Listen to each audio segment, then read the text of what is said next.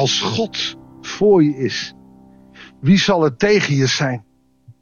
Maar waarom kunnen wij mensen dat zo moeilijk verkroppen?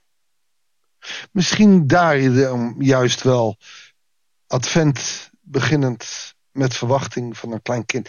Het geloof mag klein beginnen tot groot groeien. Maar we mogen op een gegeven ogenblik ook uitstappen. Wetende dat God voor ons is. Maar waarom is dat voor ons mensen zo moeilijk? Ook voor David komt, als hij net koning is geworden, de tegenwerking en de tegenslag op hem af. We gaan kijken hoe hij daarop reageert. Goeiedag, hartelijk welkom bij een nieuwe uitzending van het Bijbelsdagboek. We lezen 2 Samuel 5, vers 17 tot en met 25. Toen de Filistijnen hoorden dat David tot koning van Israël was gezalfd, rukten ze met al hun troepen uit omdat ze hem wilden overmeesteren. Abraham af, maar ook vanuit Mozes. En toen het volk altijd in Israël was, was er altijd strijd. Ook voor ons als christenen geldt het, is altijd strijd. Mensen die ons uitlachen. Mensen die ons discrimineren omdat we christen zijn. Het komt al voor in ons land. Maar ook geestelijke strijd. We komen die geestelijke strijd tegen. En dat is moeilijk. En David laat zien hoe, hoe je daarmee om kan gaan. Maar dan moet je het wel doen. Laten we gaan kijken. Zodra David dit vernam, verschanste hij zich in de bergvesting. De hele vallei van de Reveim stond al vol van Filistijnen. En David wendde zich tot de Heer en vroeg: Zal ik de Filistijnen aanvallen? Zult u ze aan mij uitleveren? De Heer antwoordde: Ga op hen af. Ik verzeker je dat ik de Filistijnen aan je zal uitleveren. En David ging naar Baal Perasim en daar versloeg hij hen. En sprak de woorden: De Heer is mij voor, door, voor mij door de vijandelijke linies getrokken. Zoals plotseling opkomend water zich een baan breekt. Daarom wordt de plaats Baal Para, Perasim genoemd. Baal Perasim betekent Heer van de doorbraak. Godenbeelden die door de Filistijnen waren achtergelaten, werden door David en zijn mannen medegenomen. Hier ga ik vragen stellen. En misschien krijgen we dat later nog te horen. Waarom neemt David de godenbeelden mee? Nou, de eerste plaats zou je kunnen zeggen, dat doet hij om de, de macht hè, die je aan God weet te onttrekken, om die bij de Filistijnen weg te halen. Ze hebben geen machtige God meer. De godenbeelden zijn weg. En dat is wel degelijk heel belangrijk voor een volk om, om, om, om goden te hebben. Pak ons onze God af, pak ons Jezus af en we zijn niets. Maar het geldt ook voor afgodendienaren. Pak Boeddha af en vernietig alle Boeddha. In het boeddhisme zijn ze dan helemaal van de rel. Dus hoe je het ook went of verkeerd, dit is in ieder geval heel belangrijk. Het is alleen te hopen dat ze ze vernietigen. Maar dat lezen we hier niet.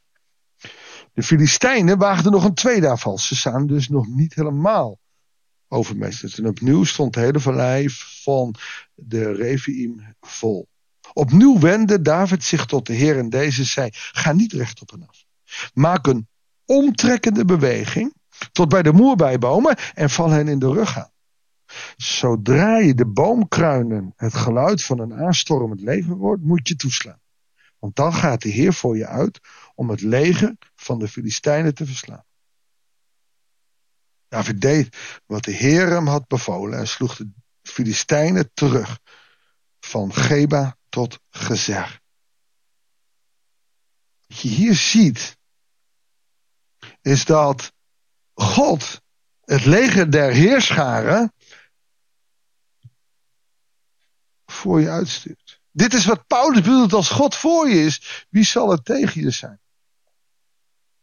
Kijk, dat we daar niet op durven te vertrouwen in deze tijd. Gek dat wij zelf de strijd aangaan, omdat wij denken dat wij wat moeten. Maar het is de Heer die voor ons wil strijden. Maar dan zullen we in afhankelijkheid van Hem, Hem die strijd moeten laten doen. Je leest het in bijvoorbeeld Romeinen nog wel terug. In Romeinen 12. Laat God uw breker zijn. Laat God heerser zijn. Laat God regeren in jouw leven. En laat Hij de strijd voeren die jij moet uh, vechten. Ook, ook de geestelijke strijd. Wij hoeven niet in de oorlog te leven. En het is voor Israël best wel heel lastig nu om, om helemaal om, God te, te, te, te vertrouwen. Dat snap ik ook wel. Maar in je geestelijke strijd, hè, als we dichter bij huis halen. Daarin gaan we zelf de strijd tegen de kwade macht aan, tegen de duivel. Want wij denken dat wij moeten vechten. Het is God die strijdt. Daarom wordt het kerst Emmanuel, God in je. Hoe meer wij denken de strijd te moeten strijden die wij denken te moeten strijden, hoe minder we echt Jezus als onze Heer en Koning in ons leven herkennen. En ik ben ervan overtuigd dat wij meer zouden moeten doen dat Jezus echt voor ons is. Wij zouden, wij zouden Jezus meer moeten erkennen in ons leven. En misschien is dat wel de opdracht van deze kerst. Zorg dat God voor je is en dat Hij ook die geestelijke strijd. Hoe meer jij met Jezus ook bezig bent, hoe meer, nou ja, ook wel de tegenwerking ervaren kan worden. Geef die tegenwerking, geef de, het kwade geen kans. Maar zorg dat je je hart richt op Jezus. Elke dag weer. Begin met het gebed, Heere God. Spreek, uw dienaar luistert. Vul mij met uw geest, zodat ik ook vandaag weer op u kan blijven vertrouwen. Zullen we samen bidden? Heere God, wilt u ons vervullen met die geestkracht.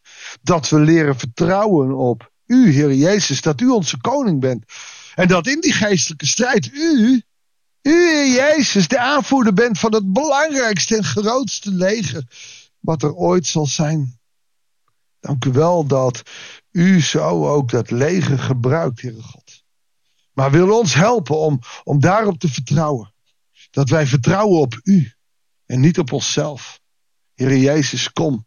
En kom en vecht voor ons. Want zoveel mensen zitten in geestelijke nood en voelen die geestelijke strijd. Heer, u bent degene die die strijd moet voeren. Help ons daarmee, daarop te vertrouwen. Open onze ogen, zodat we net als de herders in het veld het grote leger zien. Die zeggen, ere zij God in de hoge. Heer, wilt u onze ogen openen? Misschien wel nu met advent en deze kerst. Opdat we uitstappen en ons vertrouwen stellen in u. Dat bidden we u in de machtige naam van ons Heer Jezus Christus. Amen. Dankjewel voor het luisteren. Ik wens je ook nu voor vandaag God zegen en heel graag tot de volgende uitzending van het Bijbelsdagboek.